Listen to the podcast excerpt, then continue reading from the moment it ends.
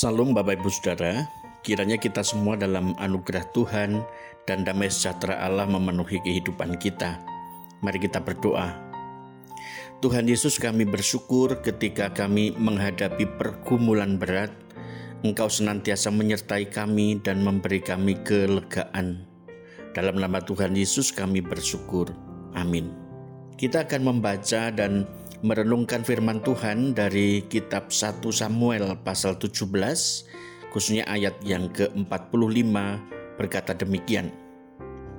Tetapi Daud berkata kepada orang Filistin itu, "Engkau mendatangi aku dengan pedang dan tombak dan lembing, tetapi aku mendatangi engkau dengan nama Tuhan semesta alam, Allah segala barisan Israel yang kau tantang itu." Dengan nama Tuhan semesta alam. Setiap kita tentu memiliki pergumulan, ada yang berat, ada yang ringan. Namun pada hakikatnya kita semua menghadapi Goliat dalam hidup kita masing-masing. Persoalannya apakah kita menghadapinya dengan kekuatan sendiri atau kita menghadapi pergumulan itu dengan penyertaan pertolongan Tuhan, maka hal itu akan menjadi pengalaman rohani dalam kehidupan kita. Bacaan kita hari ini tentu kita bertanya, di manakah letak kunci kemenangan Daud atas Goliat?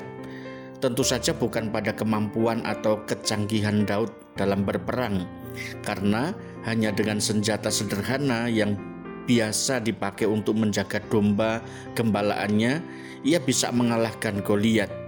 Kunci kemenangan Daud ada pada Tuhan yang menjadi sandarannya. Daud tahu musuhnya adalah orang yang tidak mengenal Tuhan, bahkan berani menghujat dia.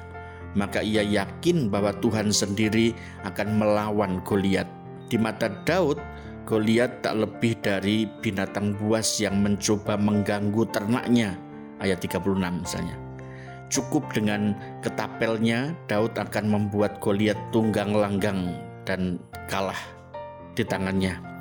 Daud merasa tidak memerlukan perlengkapan prajurit. Ayat 39. Ia cukup mengandalkan Tuhan. Kepercayaan Daud kepada Allah yang hidup jelas Goliat nyata dan mengerikan, tetapi para ilah yang dalam nama e, mereka seperti yang Goliat mengutuki Daud dengan nama ilah-ilahnya. Nas ini menggambarkan bahwa Daud sebagai pahlawan yang perkasa bukan semata karena keterampilannya sendiri, tetapi karena Allah Yahweh semesta alam.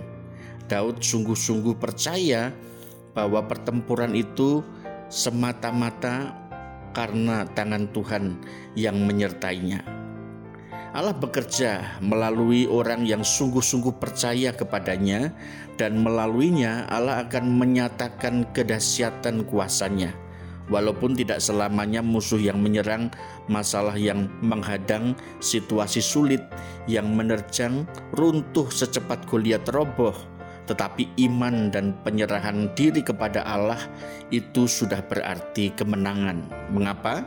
Karena Tuhan menyertai kita seperti Ia juga menyertai Daud. Mari kita berdoa. Tuhan Yesus tolonglah kami ketika kami menghadapi pergumulan berat.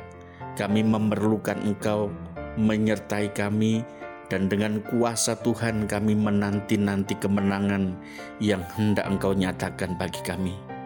Dalam nama Tuhan Yesus kami memohon. Amin.